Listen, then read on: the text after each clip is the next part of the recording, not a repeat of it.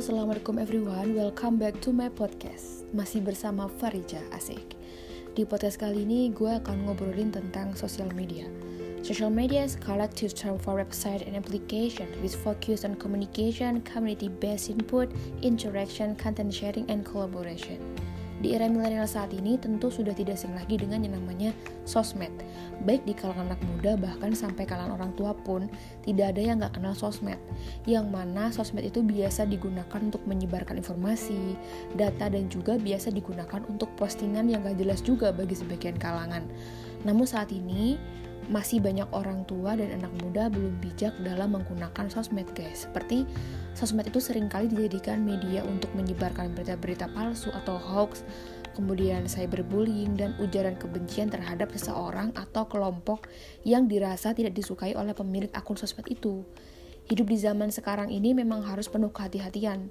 Anugerah Allah yang bernama teknologi memang sudah menjelma menjadi gaya hidup masyarakat modern. Bahkan manusia masa kini lebih memilih tidak makan daripada tidak ada paket kuota internet. Betul kan? Betul dong. Nah, begitu pentingnya akses internet dalam kehidupan manusia saat ini, mudahnya akses informasi membuat kita jadi semakin cerdas dan mau menghabiskan waktu berjam-jam di depan gadget atau laptop. Semua itu dilakukan demi mengetahui informasi dan mengetahui apa yang sedang ramai terjadi di luar sana. Hingga para pengakses ini menamai diri mereka sebagai netizen. Dengan hadirnya sosmed tuh semua orang bisa menjadi wartawan tanpa harus kuliah di jurusan jurnalistik bertahun-tahun. Semua orang bisa jadi fotografer tanpa harus kuliah atau mengikuti pelatihan semacamnya. Bahkan semua orang bisa menjadi komentator dan saling menghina di sosmed. Namun yang terjadi saat ini, orang dengan mudahnya berbagi informasi atau mengupdate status tanpa menimbang dampak yang akan terjadi. Selain itu di luar sana dengan mudahnya para netizen-netizen itu yang reaktif berkomentar, menjudge mencela, mempermainkan, bahkan membunuh karakter orang lain. Ngeri sih. Tidak semua netizen juga reaktif, bahkan banyak ditemukan beberapa orang dengan berkomentar secara bijak dan berimbang. Jadi mikir dulu gitu ada juga kok. Namun yang ingin aku bingungin, maksudnya emang aku bingung gitu kayak kenapa sih manusia itu bisa begitu mudahnya terpancing oleh kabar yang belum tentu itu benar sampai muncul istilah haters Sungguh ini adalah istilah yang gak pantas disematkan sebenarnya sebagai seorang muslim karena kita kan orang muslim tuh aslinya kan pribadi yang santun, pemaaf dan rahmatan lil alamin takbir. Sadar atau enggak, media sosial itu banyak mengubah cara kita berkomunikasi dan mempengaruhi persepsi orang terhadap kita kadang komunikasi tetap muka pun menjadi gak begitu penting lagi. Misalnya kita tuh jarang ketemu sama teman-teman karena kita anggap bahwasanya gak ketemu tuh gak apa-apa, gak ketemu langsung kan kita masih bisa bertukar kabar atau apa namanya bisa via chat di berbagai aplikasi medsos. Medsos itu juga mempengaruhi persepsi orang terhadap diri kita baik secara positif maupun negatif. Entah foto ataupun status, dua-duanya bakal dinilai secara berbeda-beda sama orang lain.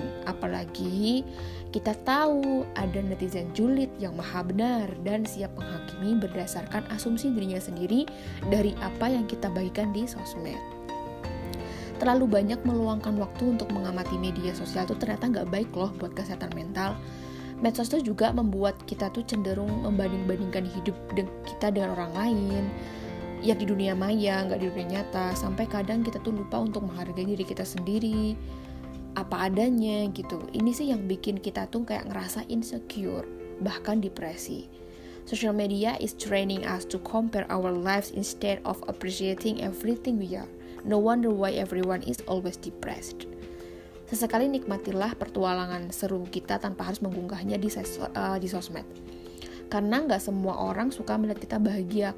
Kalau kita tipe pengguna sosmed yang selalu update aktivitas terkini like a shelfgram, entah lagi makan, shopping, atau traveling, kita bisa mempertimbangkan like a travel and tell no one, live a true story and tell no one, live happily and tell no one, people ruin beautiful things di dunia nyata aja ada orang-orang yang gak suka kalau kita hidup bahagia apalagi di dunia maya gitu dengan misalkan mereka tuh gak pakai username mereka sendiri banyak kan kayak gitu dengan gak melulu update semua aktivitas kita, kita juga sebenarnya sedang meminimalisir dampak perilaku negatif dari para haters dan netizen julid. Daripada mengamati sosmed terus, mending kita fokus dengan hal-hal lain yang bermanfaat di kehidupan nyata kita. Kalau di kehidupan nyata kita bisa fokus dan lakukan hal positif dan berkarya dalam kegiatan sosial, tentu ini bisa menjadi contoh teladan yang baik juga buat teman-teman kita di dunia maya juga gitu loh. Jadi nggak maksudnya kayak nggak selalu melulu kita up, uh, up, apa nama snapgram gitu nggak. Intinya jangan gunakan sosmed itu hanya sekedar mencari pengakuan dan perhatian atau membuat orang-orang lain itu terkesan dan kehidupan kita tapi gunakanlah untuk menginspirasi banyak orang. Asik kemudian kita bisa buang jauh-jauh pikiran nggak update pencapaian-pencapaian dalam hidup itu bukan berarti kita nggak hebat gitu loh. Just because you don't share in, uh, on social media doesn't mean you are not up to big things. Life with stay low key, privacy is everything, guys.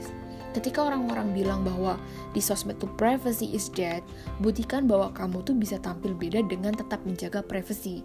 Dengan begitu, kita akan bisa sekalian belajar untuk tetap rendah hati. Tawadu Nah, sebenarnya memposting pencapaian atau keberhasilan kita di sosmed itu sah-sah aja, apalagi kalau niatnya buat menginspirasi banyak orang. Tapi kalau mempostingnya berulang-ulang, kita bisa apa ya namanya? Bisa jadi tuh orang-orang bakal menilai kita sombong. Ini kita bisa bijak dalam persosmed kita yang pernah bisa mengetahui apa platform yang kita gunakan. Penting bagi pengguna sosmed itu ngerti dan kenal karakter apa yang kita pakai di sosmed itu gitu kalau misalkan Instagram gimana, Snapchat gimana, Twitter gimana gitu loh.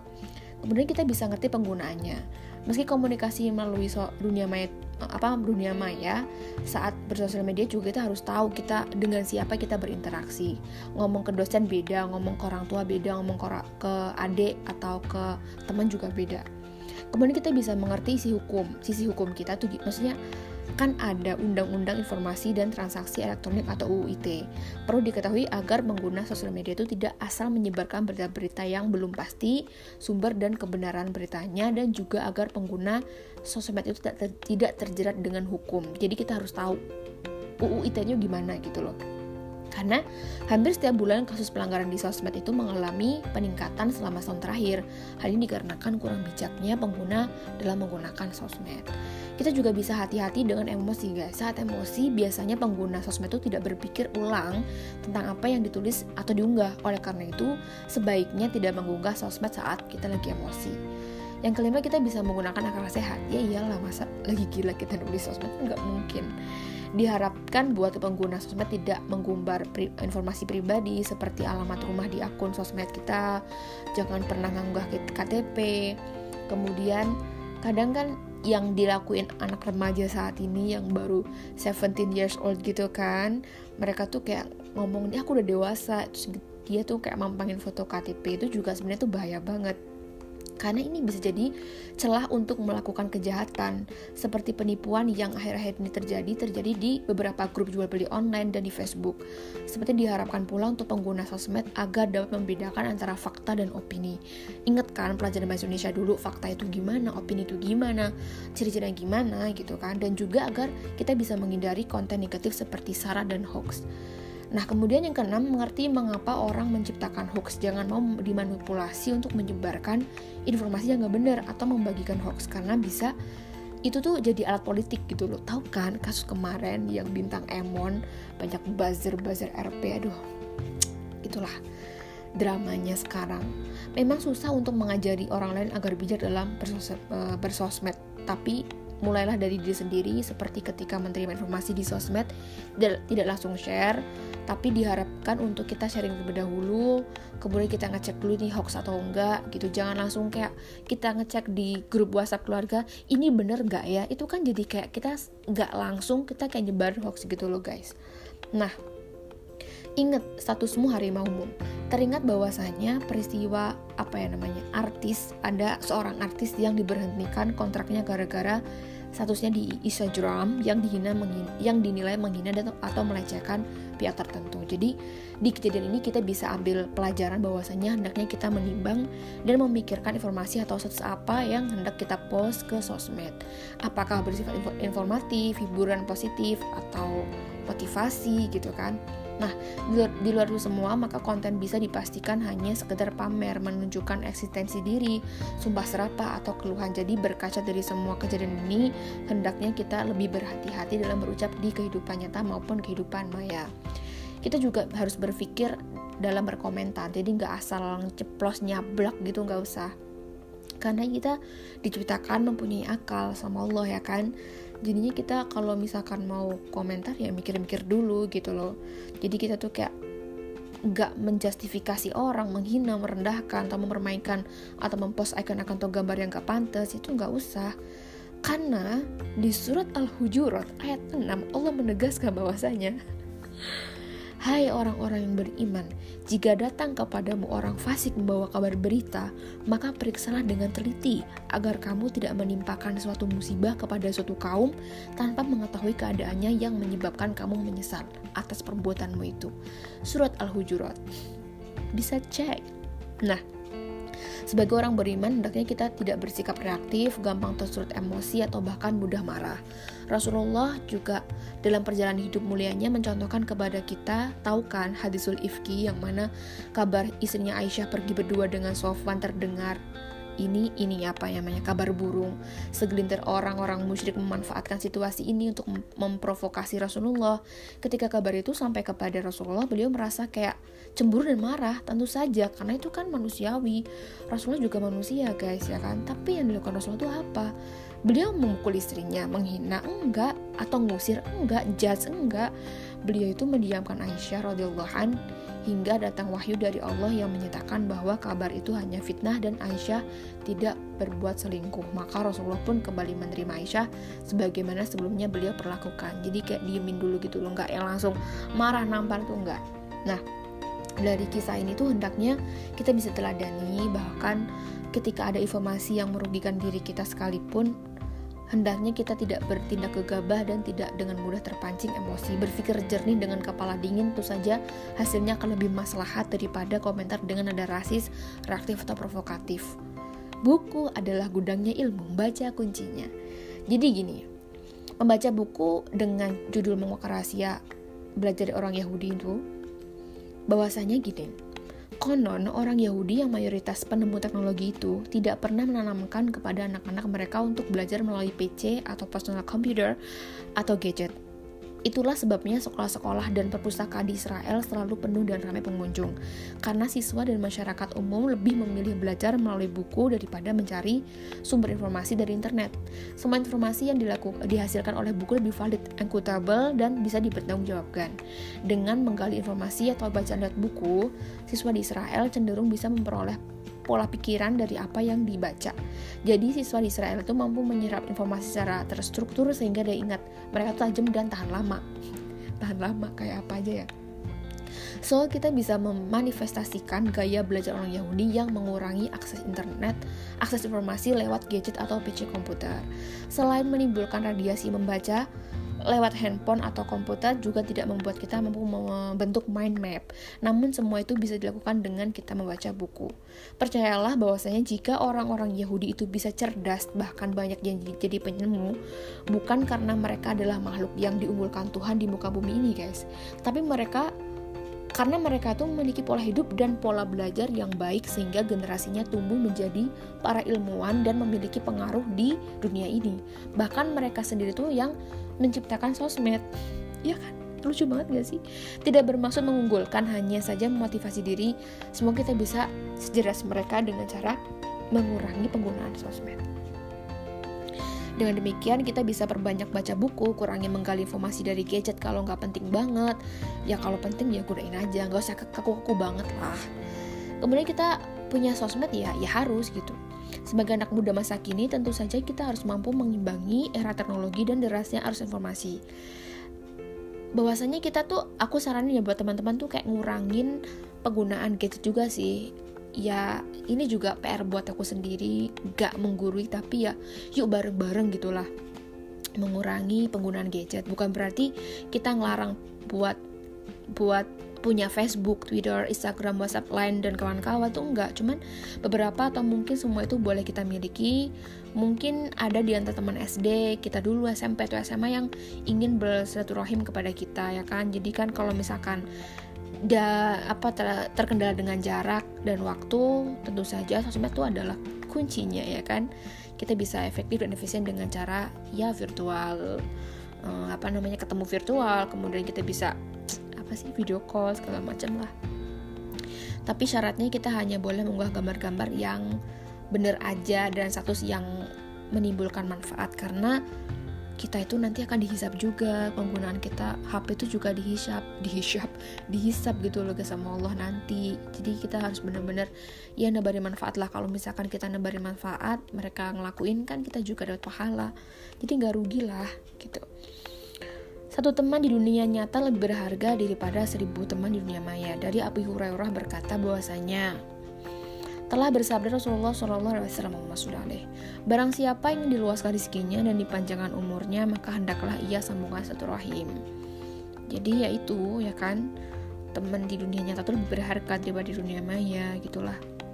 Nah kemudian uh, keluarga, teman atau orang-orang yang ada di sekitar kita tuh mereka lah orang-orang yang pertama kali akan mengetahui kondisi kita manakala kita berada dalam kesulitan. Mereka juga yang akan mengantarkan jenazah kita manakala kita meninggal kelak. Sebab itu jagalah hubungan baik eh, kita dengan mereka. Dengan begitu semua kebaikan itu akan kembali kepada kita. Ingat semua kebaikan itu akan kembali pada pelakunya insya Allah di surat Al-Isra ngaji lagi ya bahwasanya jika kamu berbuat baik berarti kamu berbuat baik untuk diri kamu sendiri. Dan jika kamu berbuat berbuat jahat maka kejahatan itu bagi apa bagi dirimu sendiri. Wallahu a'lam. Nah beberapa orang secara politis memiliki memilih nggak punya akun medsos.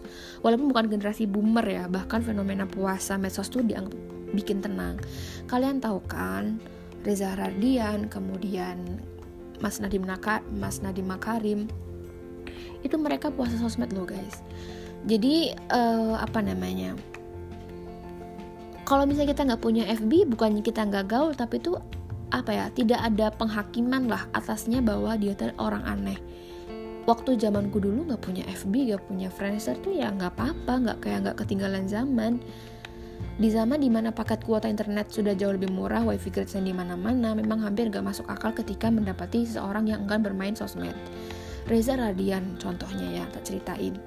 Dalam satu wawancara, aktor profesional yang wajahnya nampang, ya kan, di hampir semua produksi film terkenal, ini dia cerita kalau misalkan dia nggak tertarik sama akun yang namanya sosmed.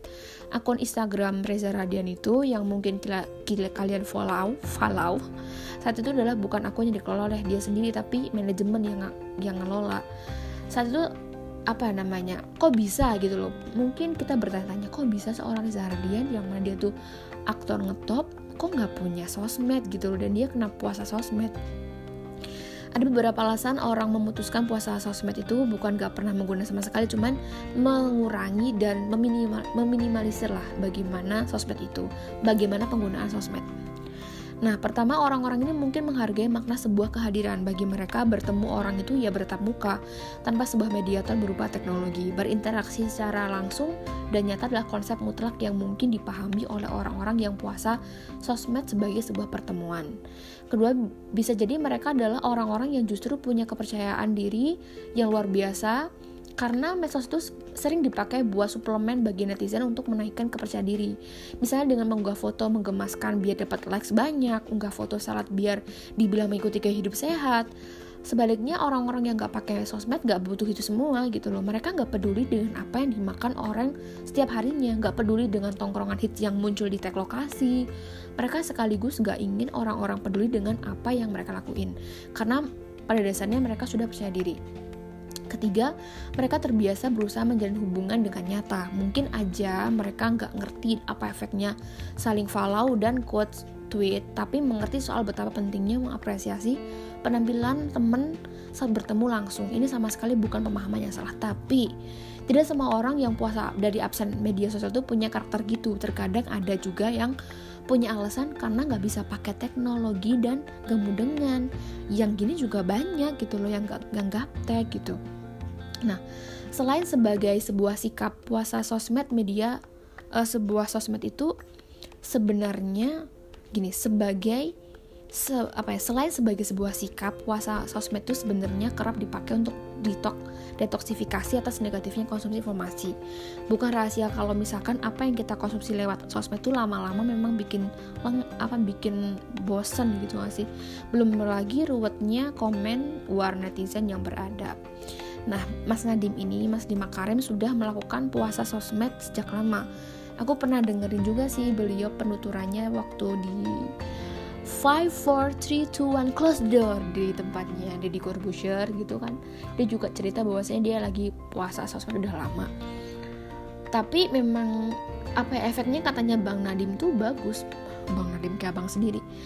Pak Menteri tuh juga katanya itu bagus Faktor yang diduga bikin orang stres gara-gara setiap hari main medsos adalah soal fananya hidup. Apa yang ditampilkan kawan-kawan di unggahan medsos tuh sebenarnya nggak seindah itu.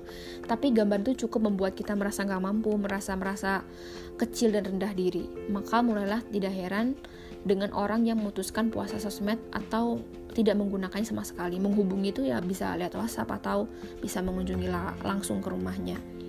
Switching off is not missing out. Asik. Kemudian ketika jutaan orang lagi terancam kena FOMO atau fear of missing out, saking kecanduannya sama medsos, orang-orang yang sudah puasa sosmed tuh dulu bakal biasa aja. Mereka nggak punya beban atau perasaan seolah kalau nggak update story itu kalau nggak update instastory sehari aja mereka tuh kayak bakal dirindukan. Jangan gear dulu Pak Haji, konten kalian semanfaat apa sih?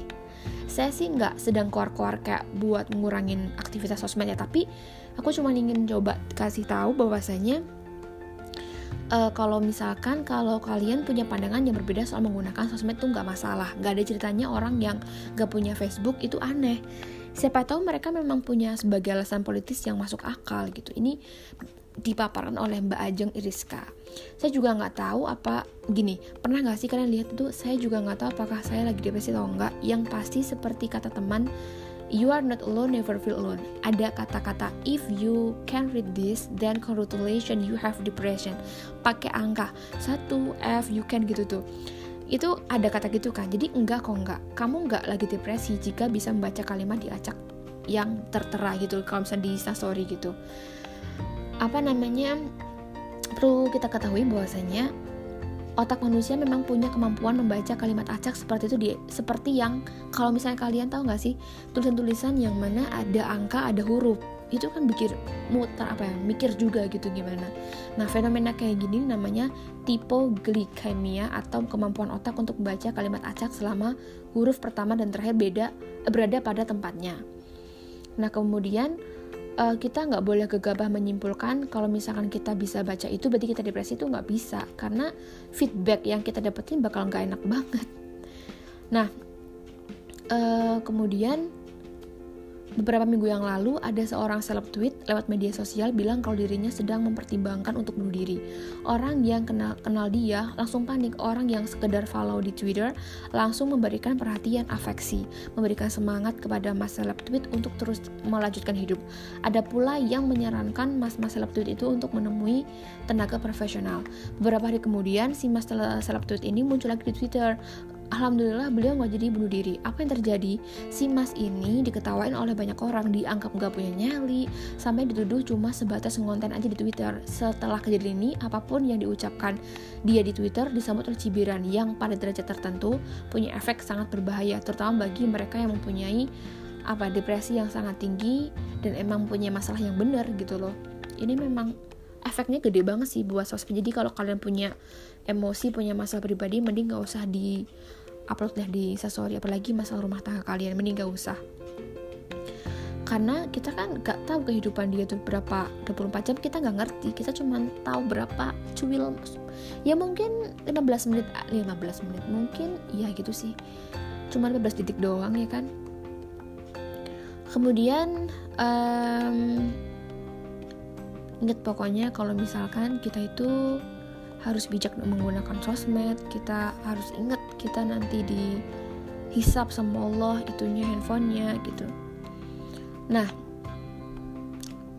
kita sadar nggak sih bahwasanya anak milenial saat ini tuh banyak memakai topeng? Pertanyaannya apa hidup kalian sebahagia fit Instagram? Ini cerminan buat anak-anak era 20-an lah ya usia 20-an kan. Kalau nggak punya IG ya dia kayak aduh gue sendirian gitu loh karena selama ini kita cuma lihat cuma dikit doang apalagi di dunia nyata yang dingin dan minim apresiasi bertengah di dunia maya itu membuat kita merasa love merasa eksis sebagai selebritas. Love dan like menjadi notifikasi yang selalu ditunggu. Harga diri kita ditentukan oleh seberapa banyak followers seberapa banyak love dan likes yang kita dapetin. Tentunya mendapatkan love di Instagram lebih mudah daripada mendapatkan love di dunia nyata. Di sini letaknya candu kita Instagram memenuhi masalah satu kebutuhan utama manusia perasaan ingin dicintai dan dihargai akan tetapi karena semua itu hanya ada di dunia maya, maka tak aneh jika sebagian besar dari kita merasa kosong di balik semua WKWK dan foto nongkrong asik di Instagram. Belum lagi melihat teman-teman yang sudah lebih akses dari lebih sukses dari kita. Rasa-rasanya diri ini semakin terinjak-injak. Tapi percayalah bahwasanya semua yang ada di Instagram tidak mewakili kehidupan si pemilik akun Instagram hanyalah satu detik foto dari 24 jam kehidupan manusia. Sayangnya, sebagian besar dari kita berlomba-lomba menampilkan yang terbaik saja akibatnya tidak ada satu orang pun yang puas akan pencapaian dirinya sendiri karena iri melihat fit di Instagram orang lain. Jadi kita nggak boleh kayak gitu guys gak boleh untuk me, apa namanya insecure lah kalau misalkan kita tuh banyak banget buat apa namanya buat scroll up Instagram terus gitu loh. Itu aja kali ya yang mungkin aku dapat sampaikan. Kesimpulannya ya Islam nggak melarang kita buat bersosial media tapi ya kita harus tahu dampaknya apa. Kita tuh ada alasannya buat bersosmed gitu loh. Dan kalau bisa ya yang bermanfaat gitu Mungkin ini aja yang dapat aku sampaikan. Semoga bisa bermanfaat. See you on my next podcast. Assalamualaikum warahmatullahi wabarakatuh. Bye bye.